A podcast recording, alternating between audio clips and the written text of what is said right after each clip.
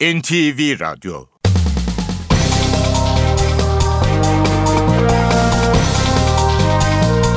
İşe Giderken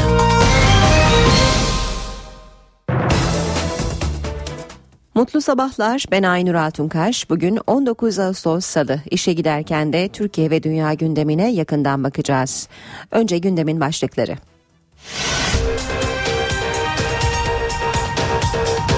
İstanbul Kumburgaz'da pazar günü deniz bisikletiyle denize açılan 5 kişiden hala haber alınamıyor. Gece yapılan aramalardan da sonuç çıkmadı.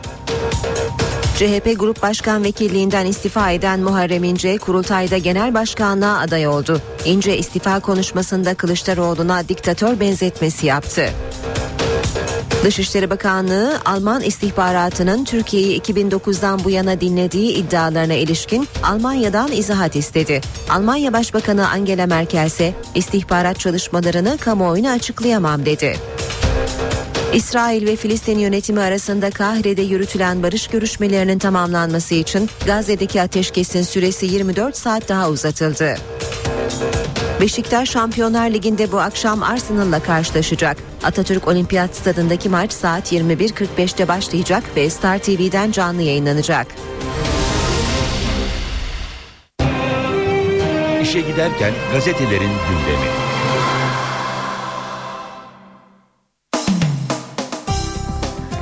Basın özetlerine Milliyet gazetesiyle başlıyoruz. Sür manşet 5 genç denizde kayıp. İstanbul Kumburgaz Kamiloba sahilinde kiraladıkları deniz bisikletiyle denize açılan Mikail Çelik, Serdar Demir, Doğan Demir, Şükrü Kahraman ve Yusuf Büyükizgi'den iki gündür haber alınamıyor.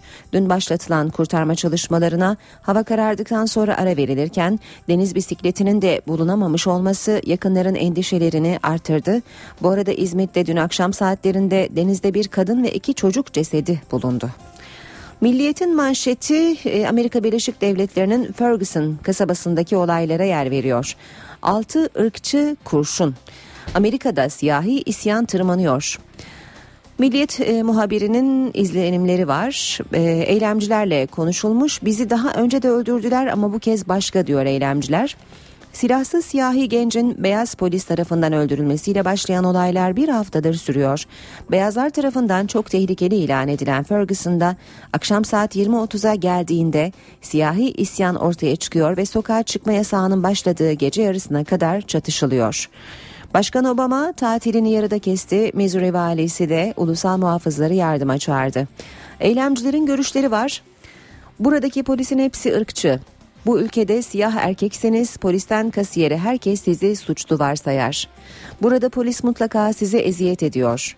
Ferguson'da siyah beyaz çatışması değil, vatandaş polis çatışması yaşanıyor. Ama siyahlar bu çatışmayı daha ağır yaşıyor, diyor eylemciler.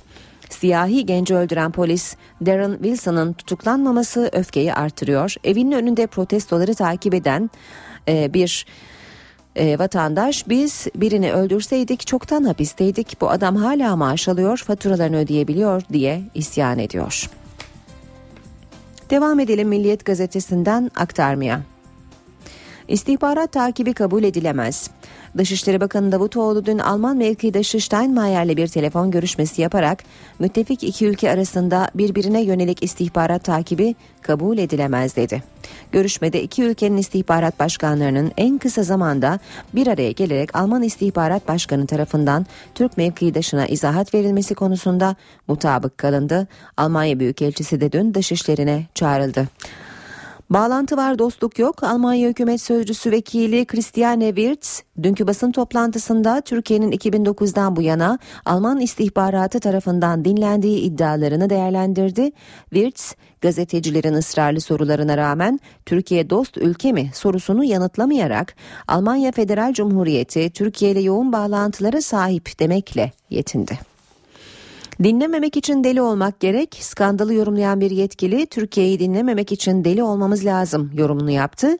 Bilde konuşan ve adı açıklanmayan istihbaratçıya göre Türkiye Suriye'deki Alman vatandaşları ile ilgili bilgi karşılığında PKK hakkında veri istedi. Hürriyet gazetesiyle devam edelim basın özetlerine. Vur emri diyor Hürriyet'in manşeti. Talimatı Amerika Birleşik Devletleri Başkanı Obama verdi. CIA'nin 100 ajanı hayalet lakaplı IŞİD lideri Bağdadi'nin peşine düştü. Bin Laden'i de özel bir ekip öldürmüştü diyor Hürriyet. Merkel'den dinleme yanıtı yorum yapamam. Yine hürriyetten bir başlık. Almanya ile Türkiye arasındaki dinleme skandalı büyüyor. Dışişleri Almanya Büyükelçisini iddiaları sordu. Almanya Başbakanı ise yorum yapamam e, şeklinde konuştu diyor Hürriyet gazetesi. İnce'den iddialı adaylık. CHP Yalova Milletvekili Muharrem İnce, CHP Grup Başkan Vekilliği görevinden istifa etti ve partisinin 18. olağanüstü kurultayında Kılıçdaroğlu'nun rakibi olacağını açıkladı. İlk iki seçimde partiyi birinci yapamayan genel başkan istifa etmiş sayılır hükmü koyacağını da söyledi. Üşüyene kömür, yanana klima. Son dönemlerde hızla büyüyen sosyal yardımlara yeni kriterler getiriliyor. İstanbul'daki yaşam standartlarıyla Hakkari'de koşulların farkı göz önüne alınarak kapsamlı bir yöntem geliştirildi. Buna göre Erzurum'da yaşayanların klima sahipliğinin lüks olduğu ancak aşırı sıcakla boğuşan Hatay'daki klima kullanımının ise zaruri ihtiyaca girdiği belirlendi. Yakında çıkabilir. Wikileaks'in kurucusu Julian Assange hakkındaki yakalama kararı nedeniyle iki yıl önce sığındığı Londra'daki Ekvador elçiliğini yakında terk edeceğini açıkladı.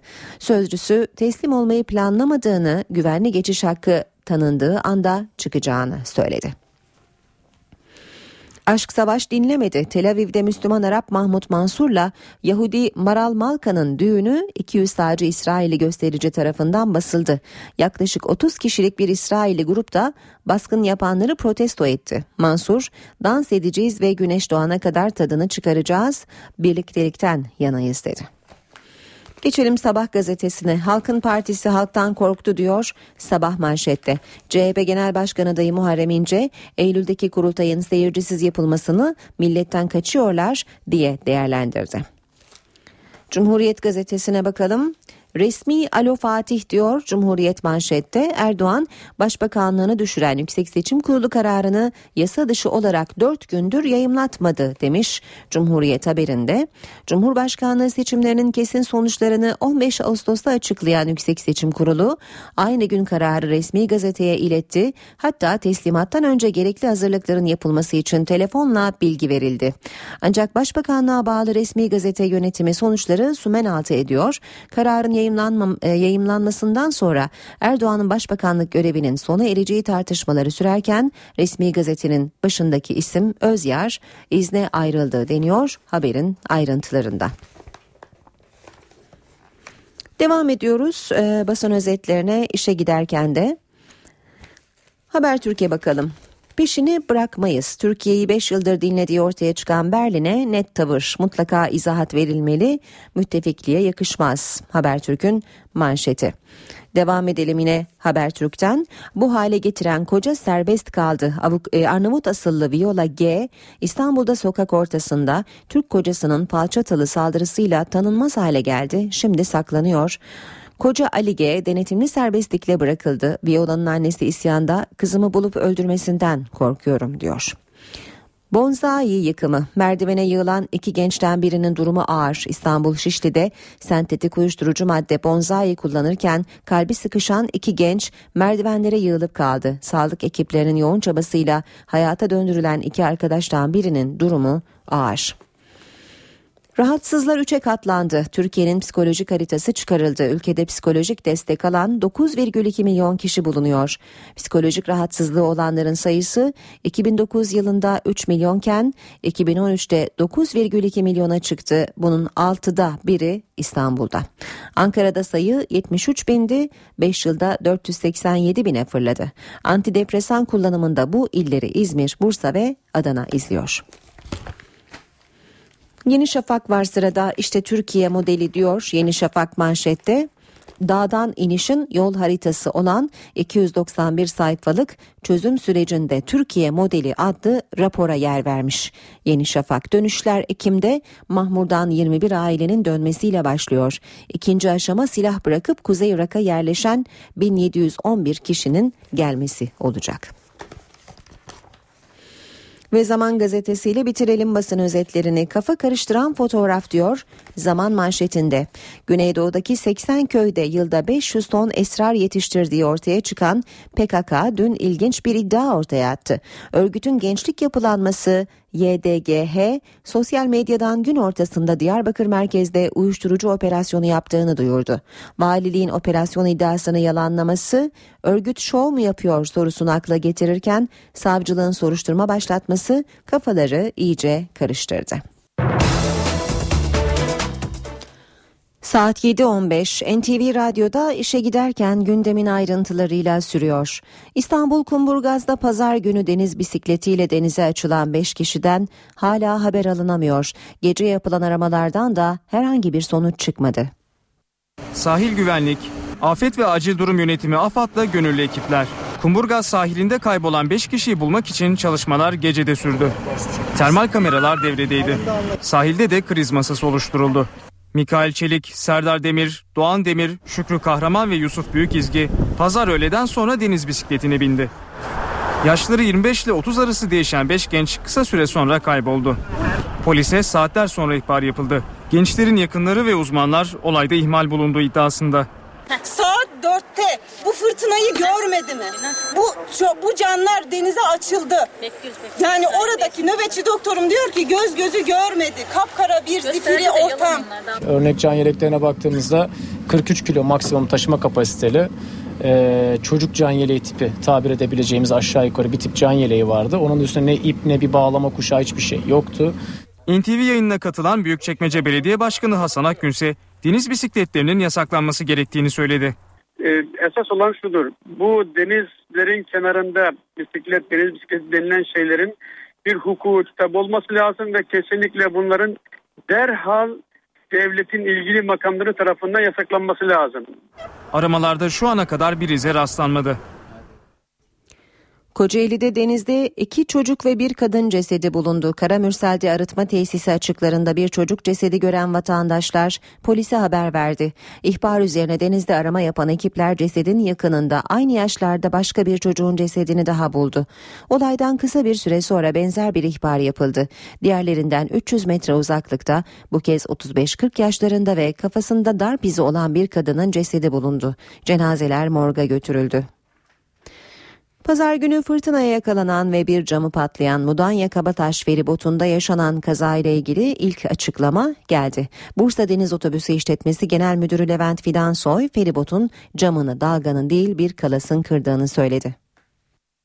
Bozburun'da fırtınaya yakalanan Mudanya Kabataş feribotunda yaşananlar yolculardan birinin cep telefonu kamerasına yansıdı. Can yeleklerini giyen yolcular beklemeye başlıyor. Süre uzadıkça gerginlik de artıyor. 15 yolcunun yaralandığı olayla ilgili ilk resmi açıklama Bursa Deniz Otobüsleri işletmesinden geldi. Açıklamaya göre cam fırtınadan değil kalas çarpması sonucu kırıldı. Darbe etkisi yapan kalas yolcuları da yaraladı. ani bir dalga ile iskele baş omuzundaki ön cam kırılıyor. Ve buradan e, emniyet camı aslında emniyet camı kesme özelliği yok fakat e, taş parçaları gibi önde oturan bazı yolcularımız başına geliyor ve e, zarar veriyor yolcularımıza 7-8 kişi civarında. İşletmeye göre yolcular paniğe kapıldıkları için talimat gelmeden can yeleklerini giydi. Geminin hızlı gittiği iddiaları da işletme tarafından yalanlandı. Batman'da şiddetli fırtınadan iniş yapamayan bir uçak Diyarbakır'a yönlendirildi. Kent merkezinde saatteki hızı 50 kilometreyi bulan rüzgar nedeniyle çok sayıda ağaç kökünden söküldü. Enerji nakil hattının direkleri devrildi. Bazı mahallelere uzun süre elektrik verilemedi. Fırtına hava ulaşımını da etkiledi. Ankara-Batman seferini yapan yolcu uçağı havalimanına iniş yapamayınca Diyarbakır'a yönlendirildi. Akşam saatlerinde rüzgarın azalmasıyla uçak tekrar Batman'a döndü.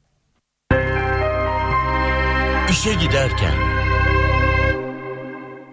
Cumhuriyet Halk Partisi'nde kurultayda Genel Başkan Kemal Kılıçdaroğlu'nun ilk rakibi Muharrem İnce oldu. İnce dün grup başkan vekilliğinden istifa konuşmasında Kılıçdaroğlu'ndan diktatör diye bahsetti. Kılıçdaroğlu ise İnce'nin adaylık açıklaması beni mutlu etti, son kararı parti üyeleri verir dedi. Bugün itibarıyla yasal bir zorunluluk olmamasına rağmen Cumhuriyet Halk Partisi Grup Başkan Vekilliği görevimden istifa ettim. Kurultayda genel başkanlığa aday olacağım. Beklenen açıklama geldi.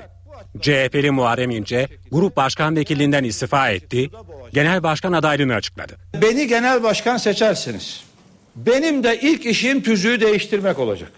İlk iki seçimde partiyi birinci parti yapamayan genel başkan istifa etmiş sayılır hükmünü koyacağız. İnce adaylığını Genel Başkan Kemal Kılıçdaroğlu'nu hedef alan eleştirilerle açıkladı. Partide demokrasi vaat eden Sayın Kılıçdaroğlu gitti. Yerine her şeyi tek başına belirleyen bir yapı geldi. Çok demokratik söylemlerle gelip bugün diktatörlüğe getireceksiniz parti. O zaman Tayyip Erdoğan'a ne diye diktatör diyorsunuz?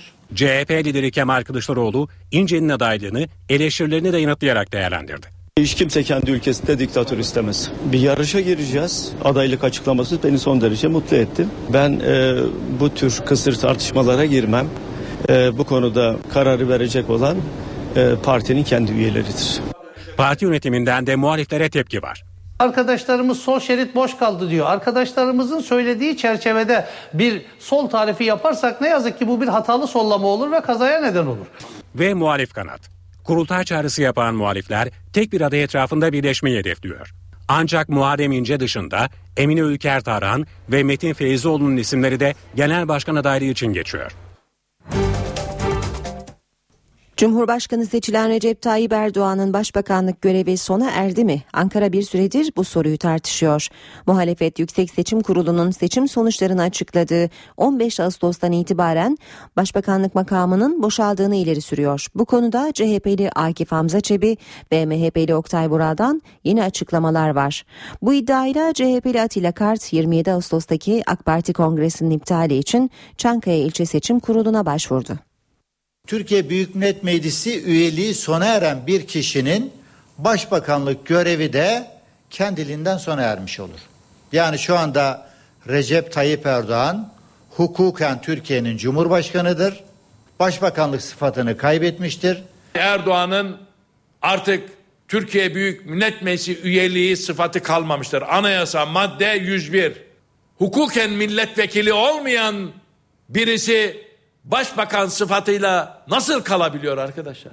Başbakan Recep Tayyip Erdoğan'ın Cumhurbaşkanı seçilmesinin ardından başlayan başbakanlık görevi düştü mü tartışması devam ediyor. CHP ve MHP'ye göre Erdoğan'ın başbakanlık görevi Yüksek Seçim Kurulu'nun kesin seçim sonuçlarını açıkladığı 15 Ağustos Cuma günü sona erdi. Seçimle gelmiş bir başbakan, Cumhurbaşkanı seçilmiş olan bir başbakan, başbakanlık makamını 3 gündür gasp etmiştir. Anayasa fiilen askıya alınmış demektir.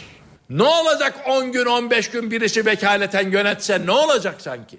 Erdoğan'ın başbakanlıktan ayrılması için hem Yargıtay'a hem de Yüksek Seçim Kurulu'na başvuran CHP Konya Milletvekili Atilla Kart da yeni bir girişimle 27 Ağustos'taki AK Parti Kongresi'nin iptali için başvuruda bulundu.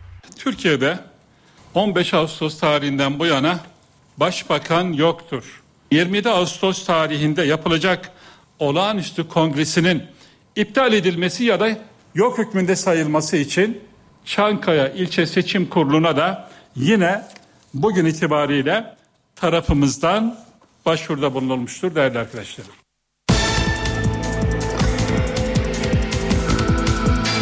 İşe giderken Dışişleri Bakanlığı Alman istihbaratının Türkiye'yi 2009'dan bu yana dinlediği iddialarına ilişkin tepkisini Almanya'ya iletti. Dışişleri Bakanı Ahmet Davutoğlu Alman meslektaşına iddialar kabul edilemez dedi. Almanya'nın Ankara Büyükelçisi de bakanlığa çağrılarak izahat istendi. Uluslararası alanda ikili ilişkilerde her zaman dikkat edilmesi gereken temel bazı ilkeler vardır. Bu ilkeler özellikle iki müttefik ülke arasında, ilişkileri arasında olduğunda daha da özen gösterilmesi gereken ilkelerdir. Doğruluğu söz konusu olması halinde ki bakanlık olarak da bu konuda açıklama e, da yaptık. E, e, bunu bu kabul edilemez. Hiçbir şekilde mazur görülemez. Mutlaka izahat verilmesi gereken bir durumla karşı karşıyayız. Ankara, Almanya İstihbarat Teşkilatı'nın Türkiye'yi 2009 yılından bu yana dinlediği iddialarına ilk tepkisini gösterdi. Dışişleri Bakanı Ahmet Davutoğlu Almanya Dışişleri Bakanı Frank-Walter Steinmeier ile görüştü. Müttefik iki ülke arasında birbirine yönelik istihbarat takibi kabul edilemez. Müttefik bir ülkenin istihbarat faaliyetlerinde hedef olarak görülmesi ittifak ruhuna aykırıdır dedi. Alman İstihbarat Başkanı'nın MİT Başkanı Hakan Fidan'a izahat vermesi kararlaştırıldı. Bu görüşmenin öncesinde ise iddialarla ilgili izahat için Almanya'nın Ankara Büyükelçisi Eberhard Pohl Dışişleri Bakanlığı'na çağrıldı. Eğer gerçek dışı ise bu iddialar onunla ilgili adımlar atılmalı ve basında yer ifadeler açıklığa kavuşturulmalıdır. Eğer bu iddialarda herhangi bir gerçeklik payı var ise de bu konularda bize en tutarlı e, izahat verilmesi zarureti vardır. E, gerekli çalışmalar, diplomatik girişimlerde bulunuyoruz. Pol'ün müsteşar vekili Büyükelçi Erdoğan İşcan'la yaklaşık 25 dakika süren görüşmesinin ardından bakanlık yazılı bir açıklama yaptı. İki ülke arasındaki müttefiklik ilişkilerine vurgu yapıldı. Alman basınında yer alan iddialar konusunda Almanya makamlarının resmi ve tatminkar bir açıklama sunması ve iddialar doğruysa bu faaliyetlerin derhal sona erdirilmesi beklenmektedir. Söz konusu iddialarda en ufak bir doğruluk payı bulunması halinde Almanya bakımından açıklanması gereken vahim bir durum bulunmaktadır. Dostlar ve müttefikler arasında karşılıklı güven ve saygının esas olması gereken bir ortamda bu tür uygulamalar hiçbir şekilde kabul edilemez. Bu haberle ilgili e, ayrıntıları vermeye devam edeceğiz ama önce bir son dakika haberi aktaralım. İzmir'de yasa dışı dinleme iddiaları ile ilgili olarak bazı adreslere eş zamanlı operasyon düzenlendi. Yasa dışı dinleme iddiaları ile ilgili olarak İzmir'de eş zamanlı bazı adreslere baskın düzenlendi. Bu operasyonla ilgili ayrıntıları e, bize ulaştıkça sizlerle paylaşacağız. Almanya hükümeti Türkiye'nin dinlendiği iddialarını yalanlamadı. Almanya Başbakanı Angela Merkel dinleme iddialarının parlamentoda konuşulması gerektiğini söyledi. İstihbarat çalışmalarını kamuoyuna açıklayamam dedi. Türkiye ve Almanya casusu krizi nedeniyle karşı karşıya. Alman hükümet yetkilileri Türkiye'nin 2009'dan beri Alman dış istihbaratı tarafından dinlendiği iddiasını yalanlamıyor. Almanya Başbakanı Angela Merkel iddiaların parlamentoda konuşulması gerektiğini söyledi. İstihbarat çalışmalarını kamuoyuna açıklayamam dedi. Bu konuda Alman İstihbarat Ajansı'nın çalışmaları ile ilgili bilgileri kamuoyuyla paylaşamam. Konuşulması ve tartışılması gerekenler Parlamento Denetim Komisyonu'nda konuşulacak ve tartışılacak. Parlamento Komisyonu'na gerekirse daha fazla bilgi verilecek. Alman basınına konuşan bir hükümet yetkilisi ise NATO müttefiklerinin dinlenmediğini vurgulayarak Türkiye'nin Amerika Birleşik Devletleri ya da Avrupalı müttefiklerle aynı kefeye konamayacağını söyledi. Türkiye'deki gelişmelerin Almanya'nın iç güvenliği açısından doğrudan önemli olduğunu belirten yetkili, PKK, aşırı sol ve sağ örgütlerin Almanya'da uyuşturucu ve insan kaçakçılığı gibi eylemlerde bulunduğuna işaret etti. Alman yetkili, Türk hükümetinin Türk dernekleri üzerinden Almanya'da siyasi hedeflerini hayata geçirmeye çalıştığını da savundu. İstihbarat faaliyetlerinin somut olarak hangi siyasetçileri ve kurumları kapsadığı şu an için bilinmiyor. Almanya'nın Türkiye'yi dinlediğini ortaya çıkaran Alman gazeteci NTV'ye konuştu. Der Spiegel editörü Fidelius Schmidt, haberin 2009 yılındaki bir rapora dayandığını ancak dinlemenin nasıl yapıldığının ve kimlerin dinlenildiğinin henüz belli olmadığını söyledi. Bu bir istihbarat raporu değil aslında bir belge. Bu belge her dört yılda bir güncelleniyor. İstihbarat görevleri belirtiliyor hükümet tarafından. İstihbarat e, bu şekilde derleniyor. Bu rapor 2009'a aitti. Türkiye ilk kez bu raporda yer alıyordu.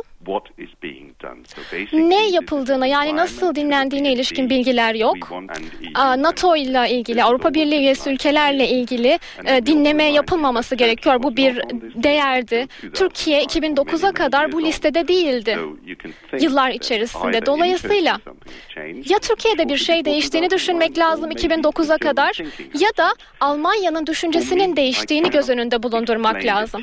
Tabii Türkiye'de böyle bir faaliyet yürütülmüş olması yani Türkiye'nin dinlenilmiş olması şaşırtıcı.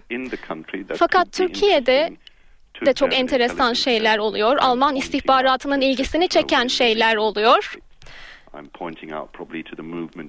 Bölgesel konulardan bahsediyorum Türkiye'nin içinde bulunduğu. Aynı zamanda Türkiye bir transit geçit konumunda aynı zamanda göçmenlerin Avrupa'ya geçtiği bir nokta. Dolayısıyla çok fazla konu var önemli olan Almanya için. Almanya hükümeti hiçbir zaman bir düşman olduğunu söylemeyecek Türkiye'nin. Bu söz konusu bile değil. Bence bundan sonra olan biten Türk hükümetinin nasıl reaksiyon göstereceğine bağlı. Nasıl Türkiye cevap verecek buna bakmak lazım. Çünkü iki ülke arasındaki ilişkiler çok önemli. Eğer doğru tepkiler verilirse çok da etkilenmeyecektir ilişkiler. Bir kısa ara vereceğiz saat 7.30 olmak üzere az önce aktardığımız son dakika haberini tekrarlayalım. İzmir'de yasa dışı dinleme iddialarına ilişkin yürütülen soruşturma kapsamında bir operasyon düzenleniyor. Bazı adreslerde sabaha karşı arama başlatıldığı bilgisi var. Ayrıntıları birazdan aktaracağız. İstanbul Kumburgaz'da pazar günü deniz bisikletiyle denize açılan 5 kişiden hala haber alınamıyor. Gece yapılan aramalardan da sonuç çıkmadı. CHP Grup Başkan Vekilliğinden istifa eden Muharrem İnce kurultayda genel başkanlığa aday oldu. İnce istifa konuşmasında Kılıçdaroğlu'na diktatör benzetmesi yaptı. Dışişleri Bakanlığı Alman istihbaratının Türkiye'yi 2009'dan bu yana dinlediği iddialarına ilişkin Almanya'dan izahat istedi. Almanya Başbakanı Angela Merkel ise istihbarat çalışmalarını kamuoyuna açıklayamam dedi. İsrail ve Filistin yönetimi arasında Kahire'de yürütülen barış görüşmelerinin tamamlanması için Gazze'deki ateşkesin süresi 24 saat daha uzatıldı. Beşiktaş Şampiyonlar Ligi'nde bu akşam Arsenal'la karşılaşacak. Atatürk Olimpiyat Stadındaki maç saat 21.45'te başlayacak ve Star TV'den canlı yayınlanacak.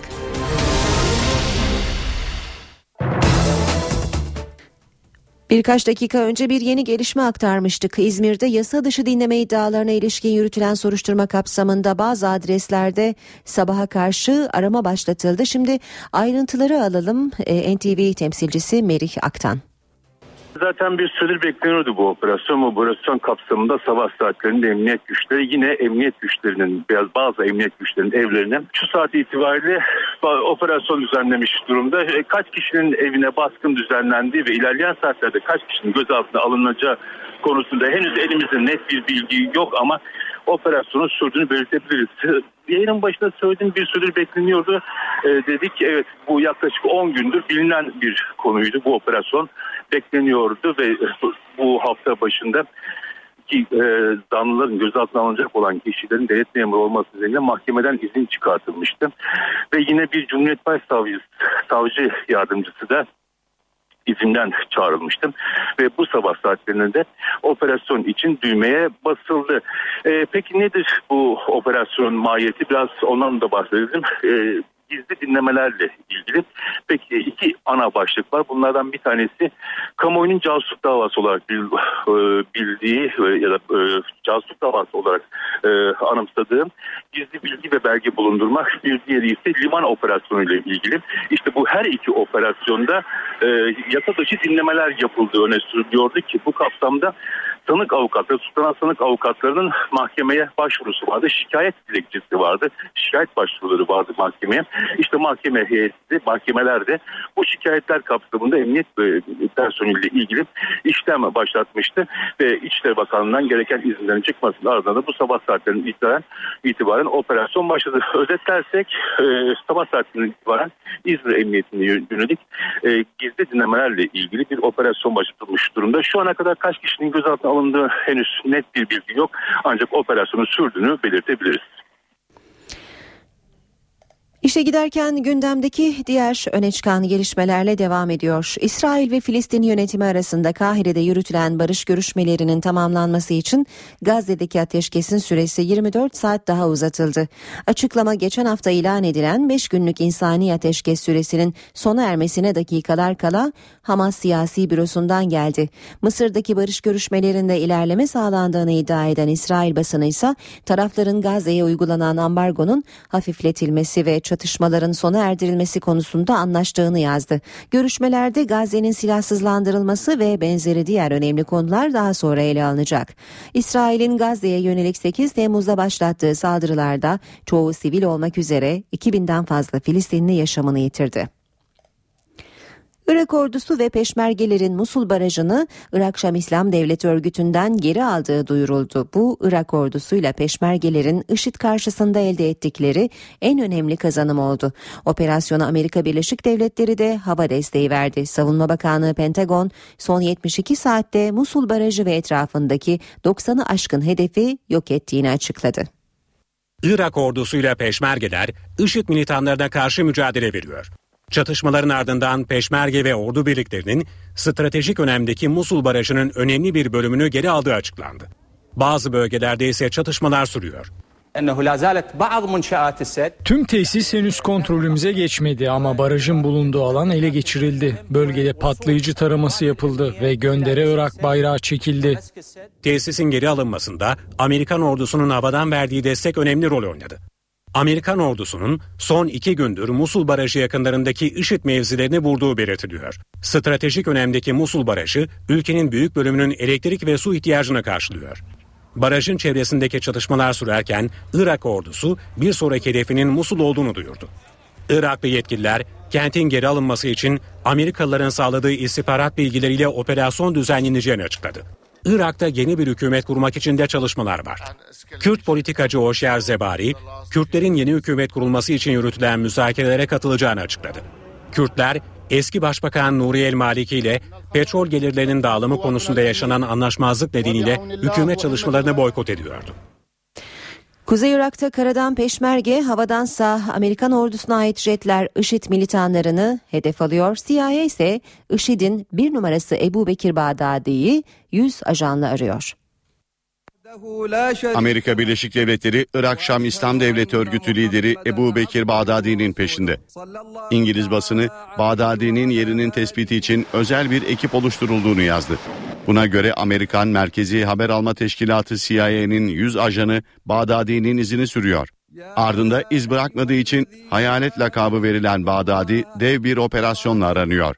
Operasyonda insansız hava uçakları, uydu teknolojisi ve sahadaki istihbarat uzmanlarından faydalanılıyor. Bunun 2011 yılında El-Kaide lideri Usame Bin Laden'in öldürülmesiyle sonuçlanan operasyondan bu yana en büyük terörle mücadele operasyonu olduğu belirtiliyor. Operasyona İngiltere de destek veriyor. İngiliz askerler geçtiğimiz hafta gizli bir görevle Irak Bölgesel Kürt Yönetimi'nin başkenti Erbil'e gönderildi. İngiltere'ye ait casus uçaklarda sahada istihbarat topluyor. Suriye ve Irak'ta ele geçirdiği bölgelerde İslam devleti kurduğunu açıklayan Bağdadi kendini halife ilan etmişti. İşe giderken haberlere devam edeceğiz. Sırada spor haberleri var. Spor haberleri başlıyor.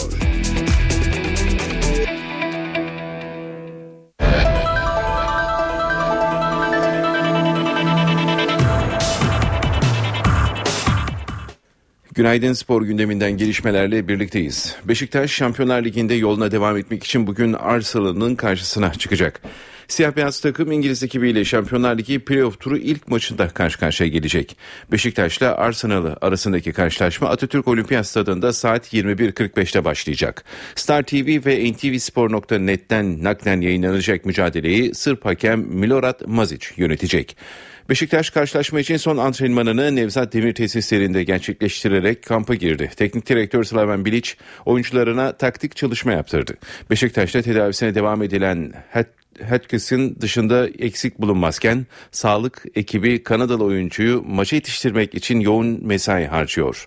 Atiba'nın durumu maç öncesi yapılacak kontrollerin ardından netlik kazanacak. Beşiktaş'ın rakibi Arsenal'ın İstanbul'a gelişi sırasında bir karmaşa yaşandı. İngiliz ekibini taşıyan uçağın ineceği havalimanı son ana kadar netleşmedi. Arsenal'ın uçağı sonunda Atatürk Havalimanı'na iniş yaptı. Şampiyonlar Ligi playoff eleme turu ilk maçında Beşiktaş'la karşılaşacak Arsenal'in İstanbul'a gelişinde karışıklık yaşandı. İlk açıklamaya göre İngiliz ekibi Atatürk Havalimanı'na gelecek ve ardından Olimpiyat Stadında antrenman yapacaktı. Arsenal'in gelmesinin beklendiği saatlerde ise uçağın özel olması nedeniyle Sabiha Gökçen Havalimanı'na iniş yapılacağı belirtildi. Arsenal'i taşıyan uçağı karşılamak için basın mensuplarıyla UEFA delegesi ve kafileyi taşıyacak otobüs Sabiha Gökçen'in yolunu tuttu. Bazı medya mensupları da erkenden alana gelerek kafileyi beklemeye başladı. Ancak son anda Arsenal'in uçağı Atatürk Havalimanı'na indi. Arsenal kulübü yetkililerinin Sabiha Gökçen'e inmeleri önerildiği halde Atatürk Havalimanı'nı kullanmakta ısrar ettiği öğrenildi. İngiliz ekibinin oyuncuları havalimanından doğruca konaklayacakları otele geçti. Arsenal Beşiktaş maçı öncesi antrenman yapmadı. Bir hayalimiz ve bunu gerçekleştirmek için bir planımız var. Beşiktaş Teknik Direktörü Slaven Bilic Arsenal maçına yönelik mesajını NTV Spor aracılığıyla verdi. Rakiplerinin gücünü bildiklerini söyleyen Bilic buna karşın pes etmeden mücadele edeceklerinin altını çizdi. Bilic sakatlığı bulunan Hodgkinson'ın oynama ihtimalini ise %50 olarak açıkladı.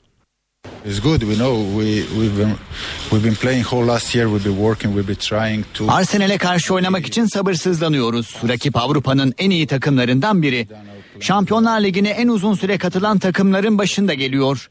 Onlara tabii ki çok büyük bir saygımız var ama biz de çok büyük bir kulübüz. Bizim bir hayalimiz ve bir planımız var. Bunu gerçekleştirmek için elimizden geleni yapacağız. Atiba bizim için kilit oyunculardan biri. Tek oyuncu üzerine kurulu bir takım değiliz ama Atiba'nın çok büyük bir rolü ve anlamı var.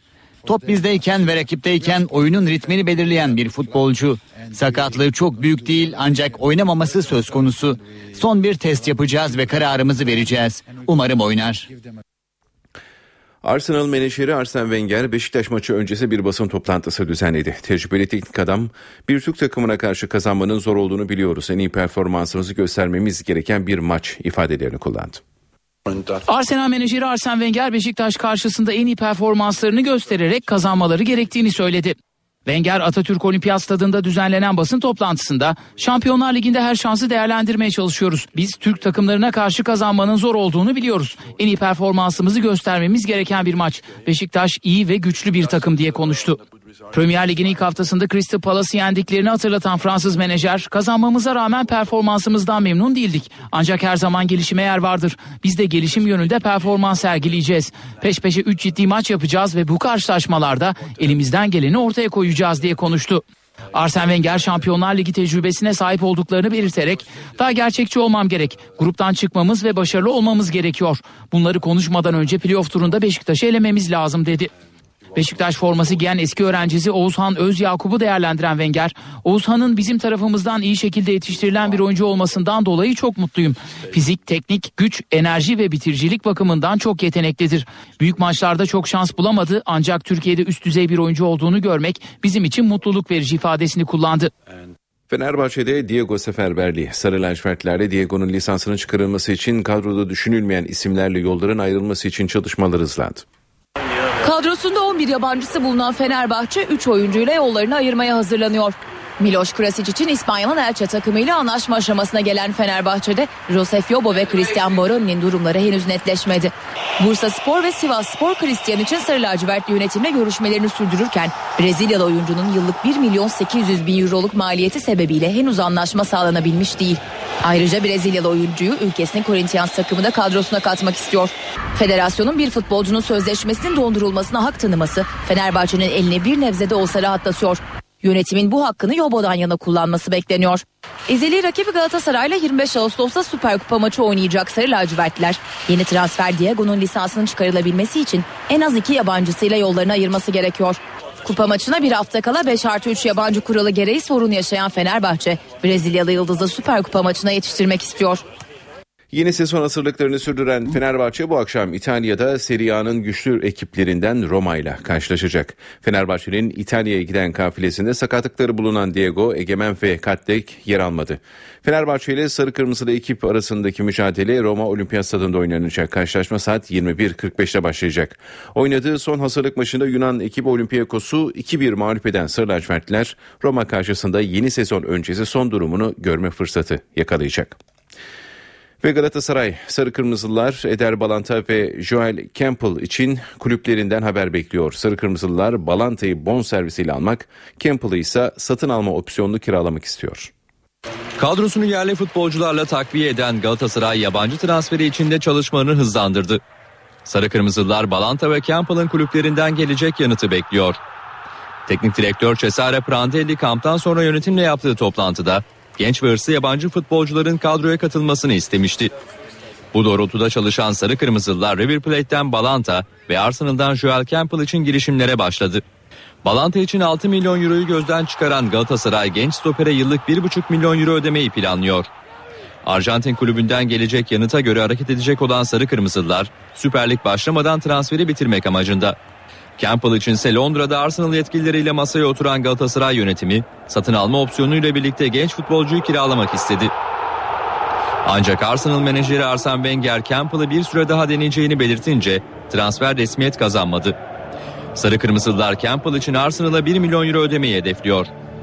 Transferin hızlı kulübü Trabzonspor Mehmet Ekici ile 3 yıllık sözleşme imzaladı. Bordo Mavililerde bir de ayrılık gerçekleşti. Trabzonspor daha önce anlaştığı ve bonservisini Werder Bremen'den aldığı Mehmet Ekici ile imzalanan sözleşmenin ayrıntılarını açıkladı. Buna göre 3 yıllık imza atan milli futbolcuya ilk sezon için 4 milyon lira, sonraki 2 sezon için toplam 2 milyon 800 bin euro ödenecek. Öte yandan Trabzonspor Sol Bamba yollarını ayırdı. Bordo Maviller 2 sezon önce Leicester City'den transfer edilen 29 yaşındaki fil dişi sahilli defans oyuncusunun sözleşmesini feshetti. Kulüp Bamba'ya 250 bin euro sözleşme fesih bedeli ödeneceğini açıkladı. Bu haberimize spor bültenimizi tamamlıyoruz. İyi günler diliyoruz. NTV Radyo. Günaydın herkese yeniden yeni saate başlıyoruz. Gündemdeki başlıkları kısaca hatırlayalım. Ee, biraz sonra hava durumunu Gökhan Abur'a soracağız. İstanbul Kumburgaz'da pazar günü deniz bisikletiyle denize açılan 5 kişiden hala haber alınamıyor. Gece yapılan aramalardan da sonuç çıkmadı. CHP Grup Başkan Vekilliğinden istifa eden Muharrem İnce kurultayda genel başkanlığa aday oldu. İnce istifa konuşmasında Kılıçdaroğlu'na diktatör benzetmesi yaptı. Dışişleri Bakanlığı Alman istihbaratının Türkiye'yi 2009'dan bu yana dinlediği iddialarına ilişkin Almanya'dan izahat istedi. Almanya Başbakanı Angela Merkel ise istihbarat çalışmalarını kamuoyuna açıklayamam dedi. İsrail ve Filistin yönetimi arasında Kahire'de yürütülen barış görüşmelerinin tamamlanması için Gazze'deki ateşkesin süresi 24 saat daha uzatıldı. Beşiktaş Şampiyonlar Ligi'nde bu akşam Arsenal'la karşılaşacak. Atatürk Olimpiyat Stadındaki maç saat 21.45'te başlayacak ve Star TV'den canlı yayınlanacak. Ve günün en sıcak gelişmesini de hatırlatalım. İzmir'de yasa dışı dinleme iddialarına ilişkin yürütülen soruşturma kapsamında bazı adreslerde sabaha karşı arama başlatıldı. Yaklaşık 30 adrese operasyon yapıldı ve bu evlerinde polislere ait olduğu bilgisi var. Birazdan ayrıntıları aktaracağız. Şimdi hava durumu. NTV Radyo. Gökhan Abur hoş geldiniz. Merhaba hoş bulduk günaydın. Özellikle batıda sıcaklıklar normallere e, indi diyebiliriz e, evet. ama önümüzdeki günlerde yeniden ısınacağız değil mi? Perşembeden itibaren yarın Ege'de birkaç derecelik yükseliş var ama Perşembe Marmara'da ısınacak. Yine batıda sıcaklıklar yükselecek Perşembe ve Cuma günü. Kısmen Cumartesi günü de e, Ege ve Akdeniz'de sıcaklıklar yüksek ama Marmara'da yine 1-2 derece azalmasını bekliyoruz. Evet batıda yağışlar etkisini kaybetti ama serin hava devam ediyor. Sabah erken saatlerde Marmara'nın doğusunda Bilecik civarında hafif yağış geçişi vardı. Bu yağışlar daha doğuya doğru kaydı. Ee, bir ara Adapazarı civarında hafif yağış olasılığı var bulutların gelişimine bağlı olarak Ankara Çankırı arasında aralıklarla yağış devam ediyordu. Şu anda da çok hafif olarak hafif sağanaklar etkisini sürdürüyor. Ama e, Karabük Kastamonu arasında hafif yağış var son radar görüntülerine göre ama dedim çünkü Orta ve Doğu Karadeniz bölgesinde yoğun bir bulutlanma var ve bulutlanma Ordu, Giresun, Trabzon, Rize, Artvin arasındaki yağışların etkisini önümüzdeki saatlerde giderek arttıracak. Tabii bu yağışların artmasıyla birlikte özellikle denizin çok ısınmış olması ki Doğu Karadeniz bölgemizde de deniz suyu sıcaklığı 27 derecenin üzerinde bu yaklaşmakta olan bulutların etkisini arttıracak ve sağanak yağışlar bölgede yer yer etkili olacak ve dün olduğu gibi dün Batı Karadeniz'de olmuştu ve bugün öğle saatlerinde sistemin gelişine bağlı olarak yine deniz, su hortumu hortumları görülebilir. Karadeniz'imin, Doğu Karadeniz'imin kıyılarının açık açıklarında. Evet e, yağışlar etkisini kaybetti demiştim ama e, Akdeniz'de yağış yok. Göller bölgesinde hafif bir yağış geçişi bekliyoruz gün içinde. Antalya'da gün içinde bulutlanma artacak. Burada Isparta arasında yağış var demiştim fakat nem oranı e, Akdeniz'de oldukça yükseliyor ve nemin yükselmesiyle birlikte bunaltıcılık bir hayli fazla olacak. Doğu ve Güneydoğu'da sıcaklıklar mevsim ortalamaları üzerinde. Bir ara hafif Mardin civarında yağış olasılığı var. Hatta Adıyaman'da çok kısa yağış görülebilir. İlerleyen saatlerde Erzurum Kars arasında doğuda kısa süreli yağış geçişi var ki bu yağışlar bu gece ve yarında bölgede aralıklarla devam edecek. Ama hemen şunu uyarmak istiyorum. Güneydoğu'da bugün rüzgarların biraz sert esmesine bağlı olarak güneyde rüzgarlar Orta Doğu üzerinden çöl tozlarını Mardin başta olmak üzere Şanlıurfa Mardin'e doğru taşımaya devam edecek gün içinde. Evet sıcaklıklar oldukça yüksek demişti. Düşük demiştim batıda. Ee, İstanbul'da bugün beklediğimiz en yüksek sıcaklık 28 derece. Şu anda 23 derecelik sıcaklık var. 18 kilometre hızla esen Poyraz öğle saatlerinde hızını daha da arttıracak ve yer yer 38-40 kilometreye kadar çıkartabilecek. Gece sıcaklığı İstanbul'da bugün 23 derece. Yarın da sıcaklığın bir derece artmasını bekliyoruz ama dediğim gibi Perşembe ve Cuma günü yine 30 derecelerin üzerine çıkacak. Ankara'da aralıklarla yağış devam ediyor demiştim. Şu anda yer yer ara vermiş olsa da merkezde gün içinde yine e, aralıklarla etkili olacak. Sıcaklıklar biraz azaldı. Ankara'da bugün beklediğimiz en yüksek sıcaklık 29 derece. Gece sıcaklığı 18 derece olacak. İzmir'de özellikle Çeşme'de öğle saatinde sert esecek bir Poyraz var. Poyraz biraz da olsa bölgeye serinlik veriyor. Hava genellikle açık zaman zaman açık az bulutlu olacak. Sıcaklık gündüz 31 gece ise 23 derece civarında olacak. Evet, evet. bizleri bekleyen koşullar genelde böyle. Teşekkürler Gökhan Abur. NTV Radyo Cumhurbaşkanı seçilen Recep Tayyip Erdoğan'ın başbakanlık görevi sona erdi mi? Ankara bir süredir bu soruyu tartışıyor. Muhalefet Yüksek Seçim Kurulu'nun seçim sonuçlarını açıkladığı 15 Ağustos'tan itibaren başbakanlık makamının boşaldığını ileri sürüyor. Bu konuda CHP'li Akif Hamza Çebi ve MHP'li Oktay Vural'dan yeni açıklamalar var. Bu iddiayla CHP'li Atilla Kart da 27 Ağustos'taki AK Parti Kongresi'nin iptali için Çankaya İlçe Seçim Kurulu'na başvurdu. Türkiye Büyük Millet Meclisi üyeliği sona eren bir kişinin başbakanlık görevi de kendiliğinden sona ermiş olur. Yani şu anda Recep Tayyip Erdoğan hukuken Türkiye'nin cumhurbaşkanıdır. Başbakanlık sıfatını kaybetmiştir. Erdoğan'ın artık Türkiye Büyük Millet Meclisi üyeliği sıfatı kalmamıştır. Anayasa madde 101. Hukuken milletvekili olmayan birisi başbakan sıfatıyla nasıl kalabiliyor arkadaşlar? Başbakan Recep Tayyip Erdoğan'ın Cumhurbaşkanı seçilmesinin ardından başlayan başbakanlık görevi düştü mü tartışması devam ediyor. CHP ve MHP'ye göre Erdoğan'ın başbakanlık görevi Yüksek Seçim Kurulu'nun kesin seçim sonuçlarını açıkladığı 15 Ağustos Cuma günü sona erdi. Seçimle gelmiş bir başbakan, Cumhurbaşkanı seçilmiş olan bir başbakan başbakanlık makamını 3 gündür gasp etmiştir. Anayasa fiilen askıya alınmış demektir. Ne olacak 10 gün 15 gün birisi vekaleten yönetse ne olacak sanki?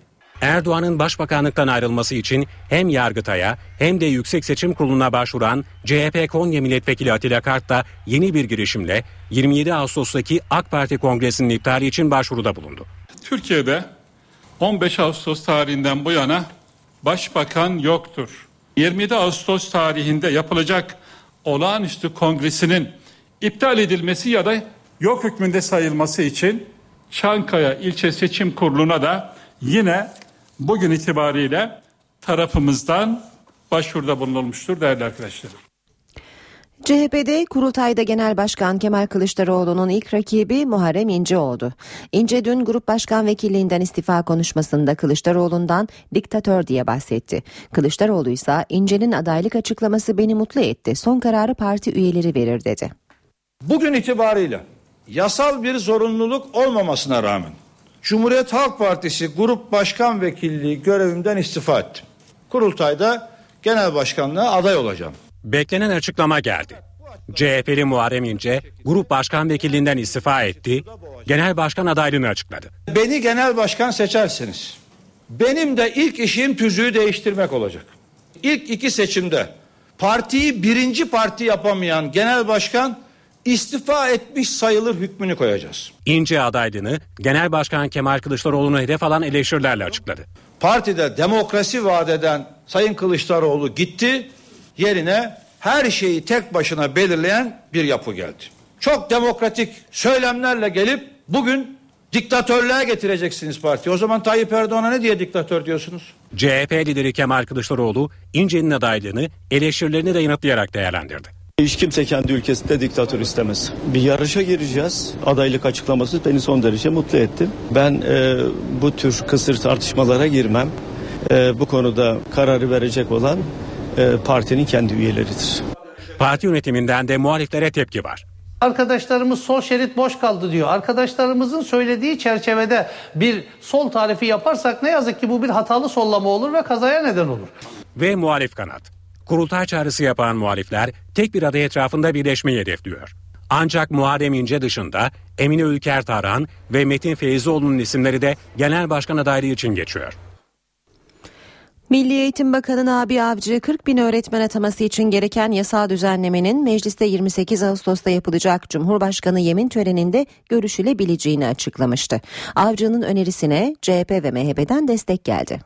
Meclisin ani bir kararla tatile girmesi atama bekleyen öğretmenleri de üzdü. Ağustos ayında yapılması gereken 35 bin öğretmen ataması torba yasa tasarısının görüşmeleri tamamlanamadığı için Ekim ayına kaldı. Milli Eğitim Bakanlığı'na 40 bin yeni kadro veren ve 35 bin öğretmenin atanmasının Ağustos ayında yapılmasını öngören düzenleme torba tasarıya eklenmişti. Ancak tasarının tamamlanması Ekim ayına bırakılınca bu maddede yürürlüğe giremedi. Başta Milli Eğitim Bakanlığı olmak Milli Eğitim Bakanı Nabi Avcı sorunun çözümü için meclisin 28 Ağustos'ta yapacağı olağanüstü toplantıyı işaret etti. 12. Cumhurbaşkanı seçilen Recep Tayyip Erdoğan 28 Ağustos'ta meclise yemin ederek görevine başlayacak. Avcı o toplantıda ek gündem maddesi getirerek öğretmen atamaları için gerekli yasal düzenlemenin yapılabileceğini söyledi. Nabi Avcı'nın önerisine muhalefette destek verdi. Bunu değerlendiririz. Elbette 40 bin öğretmen e, atamasının yasalaşması yönündeki düzenlemeye destek veririz. Öğretmenlerle ilgili müjdeli bir e, haberi e, hep beraber birlikte e, bir muhalefet partisi olarak da elbette vermek isteriz. Biz olumlu olanların her zaman yanında yer alırız. CHP ve MHP desteğini açıklasa da iki parti de atamaların yetersiz olduğu görüşünde. Sayı 40 bin olmamalı. Gelin 100 bin kadro olarak bu öneriyi getirin. Sayın Cumhurbaşkanı'nın yemin ettiği gün bunu yasalaştıralım.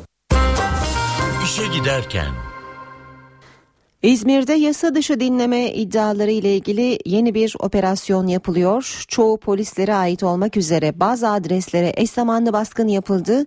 Aramalar sürüyor. Şimdi son bilgileri alalım Merih Aktan. İzmir'in Basma, Basmane semtindeki terörle mücadele şube müdürlüğü önündeyiz ve sabah saatlerinden itibaren başlatılan operasyonda edindiğimiz bilgilere göre 30'a yakın emniyet personeli gözaltına alındı ki aralarında bir tane birinci sınıf emniyet müdürü olduğunu da belirtmekte yarar var. Aslında bilinen bir operasyondu daha doğrusu beklenen bir operasyondu. Geçtiğimiz hafta sonunda İzmir Adliyesi'nde bu operasyona yönelik bir toplantı yapılmış ve bu konuyla ilgili mahkeme izni çıkartılmıştı ve hafta başında da e, Cumhuriyet Başsavcı Vekili de izinden çağrıldı. Görevinin başına davet edildi ve onun da gelmesinin ardından operasyonla ilgili düğmeye basıldı. Sabah saatlerinden itibaren de belirlenen adreslere baskınlar düzenlendi. Şu ana kadar edindiğimiz bilgilere göre 30'a yakın emniyet personelinin gözaltına alındığını belirtebiliriz. Gözaltına alınanlar İzmir Yeşilyurt Devlet Hastanesi'ne götürüldüler. Şu anda sağlık kontrolünden geçiriliyorlar ve daha sonra da bizim de bulunduğumuz terörle mücadele şube müdürlüğüne getirilecekler ve burada sorgularından başlanacak. Peki o operasyonla ilgili e, baktığımızda durumun ne olduğunu şöyle özetleyebiliriz. Özellikle kamuoyunda askeri casusluk davası olarak bilinen gizli bilgi ve belge bulundurma iddiasıyla açılan ki 379 kişi e, hakkında açılmıştı bu dava ve 79'u tutukluydu ki e, baktığımızda bunların büyük bir bölümünde muazzaf asker olduğunu da söyleyebiliriz. İşte onunla ilgili dinlemeler, yasa dışı dinlemeler yapıldı öne sürülmüştü mahkemede ki e, geçtiğimiz Haziran ayında bu davada tutuklu sanık kalmamıştı. İşte bu avukatla burada sanık avukatlarının yasa dışı dinlemeler yapıldığına ilişkin iddiaları vardı. Bu iddialar kapsamında da emniyet yetkilileri hakkında suç duyurusunda bulunmuştu bulunmuştu. Bu suç duyurusunun ardından başlatılan soruşturma kapsamında da şu ana kadar yaklaşık 30 kişinin gözaltına alındığını belirtebiliriz. Bir tane birinci sınıf emniyet müdürü var ancak bunun e, kim olduğu şu ana kadar net bir bilgi olarak elimize ulaşmadı. Yine liman operasyonuyla ilgili de yasa dışı dinleme iddiaları vardı. Bunlarla ilgili de gözaltına alınanların da bunlarla da ilgili de olduğu belirtiliyor. E, şu anda az önce de söyledim sabah saatlerinde başladı operasyon. Operasyon daha çok yeni henüz bu konuyla resmi bir açıklama yapılmış e, değil. Terörle Mücadele Şube Müdürlüğü'ne getirildiler ilk önce gözaltına alınanlar ve daha sonra burada e, minibüsler bindirildi polis e, emniyet e, görevlileri ve e, sağlık raporu alınması için de İzmir Yeşillik Devlet Hastanesi'ne götürüldü ve daha sonra da tekrar buraya getirilmesini bekliyoruz ki 3 gün süre göz e, gözaltı süresi var. Bu 3 günün ardından da cuma günü burada e, gözaltına alınanların mahkemeye sevk edilmesi yine beklentiler. Işığında İzmir ve İzmir'de ortaya çıkarılmıştı casusluk davası olarak ortaya atılan e, gizli bilgi ve belge bulundurma e, soruşturması ve bu kapsamda çok sayıda kişi ki 300 400'e yakın kişi hakkında dava açılmıştı. Bu soruşturma kapsamında az önce söyledim. Çok sayıda muazzaf asker tutuklanmıştı. E, gizli bilgi ve belgeleri bulundurmak ki bu, bu operasyon kapsamında da gizli dinlemeler, yasa dışı dinlemeler şey yapıldığı iddiaları vardı ve bu operasyon kapsamında da bu kişilerin yasa dışı dinlemeleri yaptığı öne sürülen emniyet güçlerinin gözaltına alındığı bilgisine ulaştık. Ancak ilerleyen saatlerde hem sayı ki bize verilen bilgi şu an ya da ödediğimiz bilgiler yaklaşık 30 hem sayı hem de kimlerin gözaltına alındığına ilişkin daha net bilgiler olacak. Ancak gözaltına alınanların arasında bir ki bir birinci sınıf emniyet müdüründe olduğunu belirtmemizde yarar var. Evet biz bekliyoruz e, terörle mücadele şube müdürünün önünde biraz sonra gözaltına alınan zanlıların buraya getirilmesini bekliyoruz. İstanbul Kumburgaz'da pazar günü deniz bisikletiyle denize açılan 5 kişiden hala haber alınamıyor. Gece yapılan aramalardan da sonuç çıkmadı. Sahil Güvenlik, Afet ve Acil Durum Yönetimi AFAD'la gönüllü ekipler. Kumburgaz sahilinde kaybolan 5 kişiyi bulmak için çalışmalar gecede sürdü. Termal kameralar devredeydi. Sahilde de kriz masası oluşturuldu. Mikail Çelik, Serdar Demir, Doğan Demir, Şükrü Kahraman ve Yusuf Büyükizgi pazar öğleden sonra deniz bisikletine bindi. Yaşları 25 ile 30 arası değişen 5 genç kısa süre sonra kayboldu. Polise saatler sonra ihbar yapıldı. Gençlerin yakınları ve uzmanlar olayda ihmal bulunduğu iddiasında. Saat dörtte bu fırtınayı görmedi mi? Bu bu canlar denize açıldı. Yani oradaki nöbetçi doktorum diyor ki göz gözü görmedi. Kapkara bir zifiri ortam. Örnek can yeleklerine baktığımızda 43 kilo maksimum taşıma kapasiteli e, çocuk can yeleği tipi tabir edebileceğimiz aşağı yukarı bir tip can yeleği vardı. Onun üstüne ne ip ne bir bağlama kuşağı hiçbir şey yoktu. NTV yayınına katılan Büyükçekmece Belediye Başkanı Hasan Akgünse deniz bisikletlerinin yasaklanması gerektiğini söyledi. Ee, esas olan şudur. Bu denizlerin kenarında bisiklet, deniz bisikleti denilen şeylerin bir hukuku kitap olması lazım ve kesinlikle bunların derhal devletin ilgili makamları tarafından yasaklanması lazım. Aramalarda şu ana kadar bir ize rastlanmadı. Gaziantep Büyükşehir Belediye Başkanı Fatma Şahin Suriyelilerin şebeke suyuna zehir kattığı yönündeki iddiaları yalanladı. Belediye Başkanı Şahin açıklamayı Twitter ve Facebook hesaplarından yaptı. Şahin Gaziantep şebeke suyuna Suriyeliler tarafından zehirli madde atıldığına dair Gaziantep'lileri kışkırtmaya yönelik bir dedikodu ortaya atılmıştır dedi. Şahin Su ve Kanalizasyon İdaresi'nin iddiayı yalanlayan açıklamasını da paylaştı. İç savaştan kaçarak Türkiye'ye sığınan yaklaşık 500 Suriyeli ülkelerine döndü. Şanlıurfa, Gaziantep ve çevre illerde yaşayan Suriyeliler sabah saatlerinde Akçakale Gümrük Kapısı önünde toplandı. Kadın ve çocukların da aralarında bulunduğu sığınmacılar ülkelerine gitmek için yetkililerden izin istedi. Suriyeliler gerekli izinlerin alınmasının ardından Suriye'ye geçti. NTV Radyo. Saat 8.23 NTV Radyo'da beraberiz. Başkent gündemiyle devam ediyoruz işe giderkene.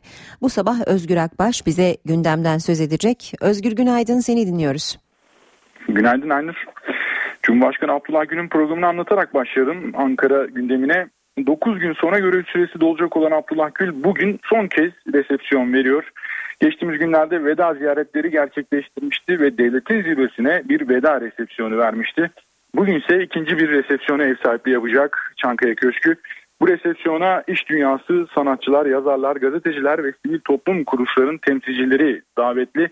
Cumhurbaşkanı Abdullah Gül e, son kez onlara bir resepsiyon veriyor. Onlara resepsiyonla veda edecek ve bir de konuşma yapması bekleniyor bu resepsiyonda. Cumhurbaşkanlığı seçimlerinin ardından siyaset oldukça hareketli. Özellikle iktidar ve ana muhalefet cephesinde önemli bir süreç yaşanıyor. AK Parti'de gözler Perşembe günü yapılacak Merkez Yürütme Kurulu toplantısında kim yeni başbakan ve genel başkan olacak e, bu sorunun yanıtı aranıyor. Dışişleri Bakanı Ahmet Davutoğlu'nun ismi başbakanlık için AK Parti genel başkanlığı için e, ismi ön plana çıkmış durumda. Tabii AK Parti'de yeni kabine beklentileri de var. Özellikle yeni Cumhurbaşkanı Tayyip Erdoğan'ın yakın çevresinin e, kabineye gireceği ifade ediliyor. Ki onlardan birisi de Başdanışman Yalçın Akdoğan, Milli İstihbarat Teşkilatı Müsteşarı Hakan Fidan'ın yeni kabineye girmesi beklenen isimler arasında gösteriliyor. Tabii bunlar sadece kulis bilgiler. Önümüzdeki günlerde bu konu daha da ayrıntılı bir şekilde e, netleşecek gibi gözüküyor. Geçelim ana muhalefete. Ana muhalefette de Cumhuriyet Halk Partisi'nde de Cumhurbaşkanlığı seçimlerini, seçim sonuçlarını beğenmeyen muhalefet kurultay çağrısı yaptı. E, yönetim ise o çağrıya e, Hodri Meydan dedi ve kurultay tarihini açıkladı. 5-6 Eylül tarihlerinde Cumhuriyet Halk Partisi'nin olağanüstü seçimli kurultayı yapılacak. Kılıçdaroğlu'nun ilk rakibi Grup Başkan Vekili Muharrem İnce oldu. Muharrem İnce dün hem Grup Başkan Vekilinden istifa etti hem de kurultayda aday olacağını açıkladı. Oldukça da iddialı sözlerle o adaylığını açıkladı. Tabii merak edilen başka adaylar çıkacak mı? Bugün de bu sorunun yarın yanıtı aranmaya devam edilecek. Ama Cumhuriyet Halk Partisi'ne aday olmak o kadar kolay değil. 1217 delegenin %10 imzasını almak şart. Yani 127 delegenin imzasıyla ancak aday olunabiliyor. İşte muhalif kanat bu 127 e, delegenin imzasını alabilecek mi? Bu da merak konusu. Bugün mecliste basın toplantıları devam edecek. E, bir gün Ayman Güler'in muhalif kanattan bir gün Ayman Güler'in basın toplantısı var. O da bu kurultay sürecini değerlendirmesi bekleniyor. E, son not olarak CHP'den şunu da söyleyelim. 74 il başkanı Kılıçdaroğlu'na destek açıklamasında bulunacak bugün. Dün il başkanları toplantıdaydı. Bugün 74 il başkanı adına e, basın açıklaması yapılacak ve genel merkeze hem de Kılıçdaroğlu'na e, destek açıklaması yapacak 74 il başkanı. Ankara gündeminde bir e, önemli konu daha var. O da Alman istihbaratının Türkiye'yi dinlediğine ilişkin iddialar. Bu iddialar e, bugün de Ankara gündemini oldukça meşgul edecek gibi gözüküyor. Bu yüzden gözler Dışişleri Bakanlığı'nda olacak diyelim Aynur. Özgür teşekkürler. Özgür Akbaş başkent gündemini aktardı. Şimdi ekonomi gündemiyle devam edeceğiz. Önce Profesör Doktor Güngör Uras'ı dinleyelim. Bu sabah bize e, Güngör Uras tarım ürünlerinden bahsedecek. Ayşe teyze ne yapsın? Uras, Ayşe teyze ekonomide olan biteni anlatıyor. Merhaba sayın dinleyenler, merhaba Ayşe Hanım teyze, merhaba Ali Rıza Bey amca. 2013 yılında 11 milyara dolara yakın gıda maddesi ithal ettik. Toplam tarım ürünleri ithalatımız 17 milyar dolara yaklaştı. Dünyada gıda maddelerine talep giderek artıyor. Bu nedenle dünyada gıda maddesi fiyatlarında devamlı bir artış var. Biz değişik nedenlerle değişik ülkelerden farklı tarım ürünleri ithal ediyoruz. Ama ithalatta ağırlığı yağlı tohumlar ve yem bitkileri teşkil ediyor. Gıda maddeleri ve genelde tarım üretiminde değişik nedenlerle gene üretimi arttıramıyoruz tarımsal üretimi arttıramıyoruz ama 2000 yılında 64 milyon olan nüfusumuz 2013 yılında 76 milyona yükseldi. Nüfus artarken ve de insanların harcama gücü artarken tarım üretimini arttıramayınca ithalatta bağımlılığımız da büyüyor.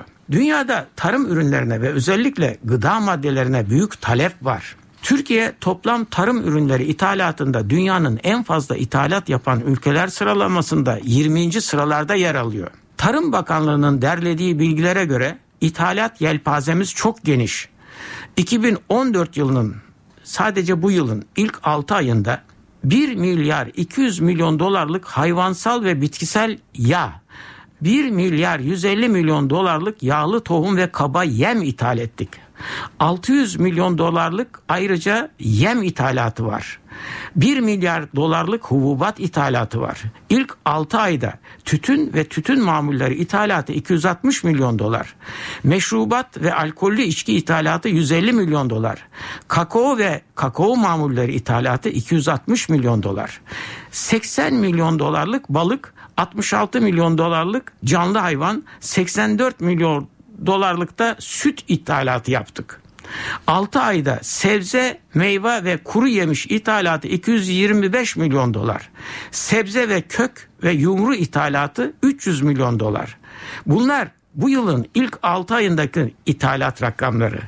Toplam tarım ürünleri dış ticaretimizde ithalatımız ihracatın üzerinde oluyor. 2011 yılında ihracatın 2 milyar 300 milyon dolar üzerinde ithalat yapmıştık. 2012 yılında açık 376 milyon dolara düştü. 2013 yılında ise ihracatımız ithalatın üzerine çıktı.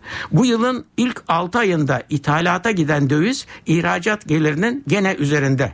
Bir başka söyleşi de birlikte olmak ümidiyle şen ve esen kalın sayın dinleyenler. Güngör Uras'a sormak istediklerinizi ntvradio.ntv.com.tr adresine yazabilirsiniz. Kısa bir ara vermeden önce e, piyasalardaki son verileri de aktaralım. BIST 100 endeksi dün %0,85 değer kazanarak 77.342 puandan kapandı. Bu sabah dolar 2.16, euro 2.90'dan işlem görüyor. Euro dolar 1.34, dolar yen 103 düzeyinde. Altının onsu 1300 dolar, kapalı çarşıda gram altın 91, çeyrek altın 152 lira, Brent petrol 102 dolar.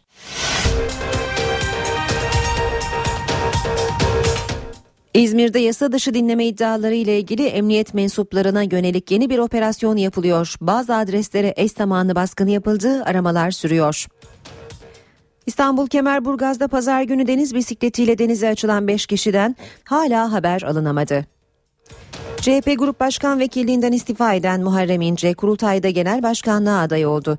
İnce istifa konuşmasında Kılıçdaroğlu'na diktatör benzetmesi yaptı.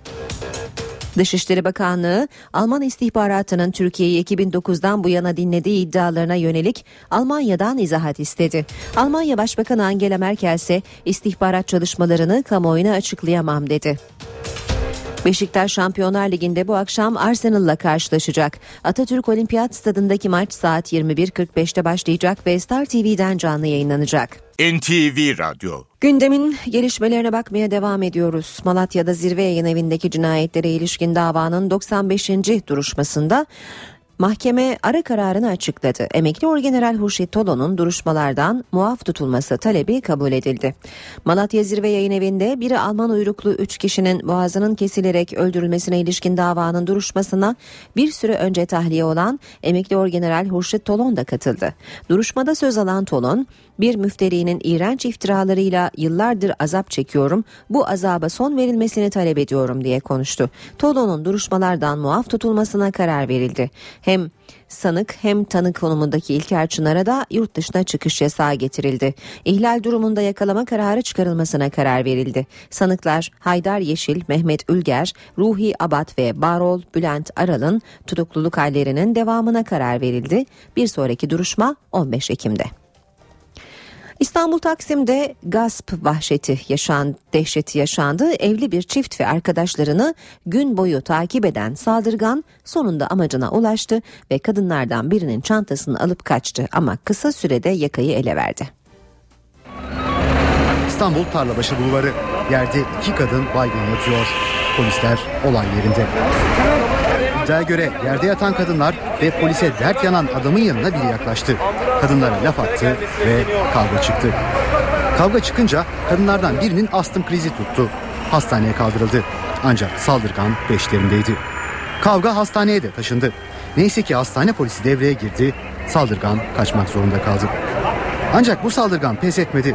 Tarlabaşı Bulvarı otobüs durağında yeniden karşılarına çıktı. 500 lira istedi. Kadınlardan birinin çantasını aldı. Kayıplara karıştı. Olayın dehşeti yüzünden de kadınlar bayıldı. Üç kişiye kabus gibi bir gün yaşatan saldırgan yakalandı ve gözaltına alındı. Adana'da acil servis doktoru hasta yakınlarının saldırısına uğradı. Önceki gün gece saatlerinde acil servise getirilen ve aşırı alkollü olduğu iddia edilen bir hasta gözlem altına alındı. Nöbetçi doktor Cem Kurt hastanın tomografisinin çekilmesi gerektiğini söyledi. Ancak hasta yakınları beklemek istemeyince tartışma çıktı. Öfkelenen grup doktora saldırdı. Dakikalarca darp edilen doktor Cem Kurt'un kolu kırıldı. Saldırganlardan dördü gözaltına alındı. Evinizi satarken satış bedelinden daha çok vergi ödeyebilirsiniz. Belediyelerin belirlediği raiç bedellerdeki %400'e varan artışlar vatandaşın ödediği vergilere yansıyor. Peki elde etmediği bir kazancın vergisini ödemek zorunda kalan vatandaş ne yapmalı? Bu soruyu Orta Doğu Teknik Üniversitesi öğretim üyesi Profesör Şükrü Kızılot ve Emlak Müşavirleri Derneği Başkanı Karabet Hemengül'e sorduk. Ev, dükkan ya da arsa. Satış yaptınız ama sattığınız bedelin üzerinde vergi ödemek zorunda kalabilirsiniz. Örneğin konutunuzu 100 bin liraya sattınız ama emlak beyan değeri iki katı çıktı. Bu durumda sahip olmadığınız bir değerin vergisini ödemeniz gerekiyor. Satılık bir dairem var yani. Yok. Kanunen neyse onu ödeyeceğiz. Bir kazancım yok ki yani niye ödeyeyim ki yani? Vatandaşın ödeyeceği vergi belediyelerin bu yıl yeniden belirlediği değerleme oranlarına göre hesaplanıyor. Bu çok ciddi bir sorun hı hı. ve insanlar vergi uzmanı olmadıkları için buradaki ince noktaları bilmiyorlar. Çok zor durumda kalabilecekler. Aslında vatandaşın bu farkı ödemesi gerekmiyor. Peki bunun için ne yapmalı? Tapu dairesine gittiğinizde gerçek satış bedelini tapu senedine işletmek istediğinizi, talebinizi bildireceksiniz. Diyelim 200 liraya sattığınız konutunuzu ve tapuda belediye rayiç değeri 300 bin lira çıktı. Siz tapu dairesine gerçekte 200 bin liraya sattığınızı beyan ederek tapu senedini işletmek zorundasınız ki o aradaki 100 bin liralık rant geliri ödenmemiş olsun. Yoksa bu hakkı elde etmemiş oluyorsunuz. İşe giderken Dünya gündemine bakalım şimdi de İsrail ve Filistin yönetimi arasında Kahire'de yürütülen barış görüşmelerinin tamamlanması için Gazze'deki ateşkesin süresi 24 saat daha uzatıldı. Açıklama geçen hafta ilan edilen 5 günlük insani ateşkes süresinin sona ermesine dakikalar kala Hamas siyasi bürosundan geldi. Mısır'daki barış görüşmelerinde ilerleme sağlandığını iddia eden İsrail basını ise tarafların Gazze'ye uygulanan ambargonun hafifletilmesi ve çatışmaların sona erdirilmesi konusunda anlaştığını yazdı. Görüşmelerde Gazze'nin silahsızlandırılması ve benzeri diğer önemli konular daha sonra ele alınacak. İsrail'in Gazze'ye yönelik 8 Temmuz'da başlattığı saldırılarda çoğu sivil olmak üzere 2000'den fazla Filistinli yaşamını yitirdi. Irak ordusu ve peşmergelerin Musul barajını Irak Şam İslam Devleti örgütünden geri aldığı duyuruldu. Bu Irak ordusuyla peşmergelerin IŞİD karşısında elde ettikleri en önemli kazanım oldu. Operasyona Amerika Birleşik Devletleri de hava desteği verdi. Savunma Bakanlığı Pentagon son 72 saatte Musul barajı ve etrafındaki 90'ı aşkın hedefi yok ettiğini açıkladı. Irak ordusuyla peşmergeler IŞİD militanlarına karşı mücadele veriyor. Çatışmaların ardından Peşmerge ve ordu birliklerinin stratejik önemdeki Musul Barajı'nın önemli bir bölümünü geri aldığı açıklandı. Bazı bölgelerde ise çatışmalar sürüyor. Tüm tesis henüz kontrolümüze geçmedi ama barajın bulunduğu alan ele geçirildi. Bölgede patlayıcı taraması yapıldı ve göndere Irak bayrağı çekildi. Tesisin geri alınmasında Amerikan ordusunun havadan verdiği destek önemli rol oynadı. Amerikan ordusunun son iki gündür Musul Barajı yakınlarındaki IŞİD mevzilerini vurduğu belirtiliyor. Stratejik önemdeki Musul Barajı ülkenin büyük bölümünün elektrik ve su ihtiyacını karşılıyor. Barajın çevresindeki çatışmalar sürerken Irak ordusu bir sonraki hedefinin Musul olduğunu duyurdu. Iraklı yetkililer kentin geri alınması için Amerikalıların sağladığı istihbarat bilgileriyle operasyon düzenleneceğini açıkladı. Irak'ta yeni bir hükümet kurmak için de çalışmalar var. Kürt politikacı Oşer Zebari, Kürtlerin yeni hükümet kurulması için yürütülen müzakerelere katılacağını açıkladı. Kürtler, eski Başbakan Nuri El Maliki ile petrol gelirlerinin dağılımı konusunda yaşanan anlaşmazlık nedeniyle hükümet çalışmalarını boykot ediyordu. Kuzey Irak'ta karadan peşmerge, havadansa Amerikan ordusuna ait jetler IŞİD militanlarını hedef alıyor. CIA ise IŞİD'in bir numarası Ebu Bekir Bağdadi'yi 100 ajanla arıyor. Amerika Birleşik Devletleri Irak Şam İslam Devleti örgütü lideri Ebu Bekir Bağdadi'nin peşinde. İngiliz basını Bağdadi'nin yerinin tespiti için özel bir ekip oluşturulduğunu yazdı. Buna göre Amerikan Merkezi Haber Alma Teşkilatı CIA'nin 100 ajanı Bağdadi'nin izini sürüyor. Ardında iz bırakmadığı için hayalet lakabı verilen Bağdadi dev bir operasyonla aranıyor. Operasyonda insansız hava uçakları, uydu teknolojisi ve sahadaki istihbarat uzmanlarından faydalanılıyor. Bunun 2011 yılında El-Kaide lideri Usame Bin Laden'in öldürülmesiyle sonuçlanan operasyondan bu yana en büyük terörle mücadele operasyonu olduğu belirtiliyor. Operasyona İngiltere de destek veriyor. İngiliz askerler geçtiğimiz hafta gizli bir görevle Irak Bölgesel Kürt Yönetimi'nin başkenti Erbil'e gönderildi. İngiltere'ye ait casus uçaklarda sahada istihbarat topluyor. Suriye ve Irak'ta ele geçirdiği bölgelerde İslam devleti kurduğunu açıklayan Bağdadi kendini halife ilan etmişti. Irak Şam İslam Devleti Örgütü IŞİD Amerika Birleşik Devletleri'ne saldırabileceğini açıkladı. IŞİD 170 peşmergeyi de rehin aldıklarını öne sürdü. IŞİD Amerika'yı tehdit eden bir video mesajı yayınladı. Bu mesajda Amerika Birleşik Devletleri'nin IŞİD militanlarını hedef almaya devam etmesi halinde Amerika'ya herhangi bir yerde saldırı düzenlenebileceği belirtildi. Peşmerge'nin Musul Barajı'nı ele geçirmesinin ardından IŞİD'e yakın kaynaklar örgütün onlarca peşmergeyi öldürdü öldürüp 170'ini de rehin aldığını açıkladı. Aynı kaynaklar IŞİD'in Kürt güçlerinin elindeki bazı silahları da ele geçirdiğini öne sürdü. Irak Şam İslam Devleti örgütünün Irak'ta ilerlemesiyle yaşadıkları yerleri terk etmek zorunda kalan binlerce Ezidi yardımlarla hayata tutunmaya çalışıyor. Bu zor günlerde en çok etkilenen çocuklar. Kuzey Irak'ta Dohuk kenti Irak Şam İslam Devleti IŞİD nedeniyle evlerini terk etmek zorunda kalan çoğu Ezidi on binlerce kişiden bir bölümü burada yardımlarla ayakta kalmaya çalışıyor. Bölgede yaşanan şiddetten en fazla etkilenen çocuklar da ailelerine pirinç götürebilmek için yardım kuyruklarında bekliyor. Çocukların anlattıkları da bölgede son günlerde yaşananları gözler önüne serer nitelikte. Yola çıktığımızda buraya ulaşana kadar hiçbir şeyimiz yoktu. Yolda birçok insanın susuzluktan yere yığıldığını gördüm. Bize biraz su için yalvarıyorlardı ama bizde de bir şey yoktu. Büyük babamın toprağından kaçtık. Kasabada güzel bir yerdeydi. Şimdi evimiz yok, evlerimizi geride bıraktık. Daha önce hiç problemimiz yoktu. Evimiz çok güzeldi. Buraya hiç gelmek istemedik. Birleşmiş Milletler verilerine göre Doğu'ka kaçanların sayısı 80 bine yükselmiş durumda. Haziran ayından bu yana 500 bin, sene başından bu yana ise 1.2 milyon Iraklı ülkedeki şiddet nedeniyle evlerini terk etmek zorunda kaldı. Amerika Birleşik Devletleri'nin Missouri eyaletinde silahsız siyahi bir gencin polis tarafından öldürülmesinin ardından olaylar durulmuyor. Kasabada ulusal muhafızlar göreve başladı. Amerika Başkanı Barack Obama halka itidal çağrısı yaptı. Amerika Birleşik Devletleri'nin Missouri eyaletinde polisin geçen hafta silahsız siyahi bir genç olan Michael Brown'u öldürmesinden sonra başlayan protestolar durulmuyor. Yer yer ayaklanmaya dönüşen protestoları bastırabilmek için ulusal muhafız birlikleri Ferguson kasabasında göreve başladı. Bunun üzerine kasabadaki sokağa çıkma yasağı kaldırıldı. Amerikan Başkanı Barack Obama itidal çağrısında bulundu ve toplumun birbiriyle yeniden birleşmeyi denemesi gerektiğini söyledi. Brown'un öldürülmesine duyulan öfkeyi anlıyorum. Ancak yağma yaparak, silah taşıyarak ve hatta polisi saldırarak öfkeyi boyun eğmek sadece gerilim artırır ve kaos getirir.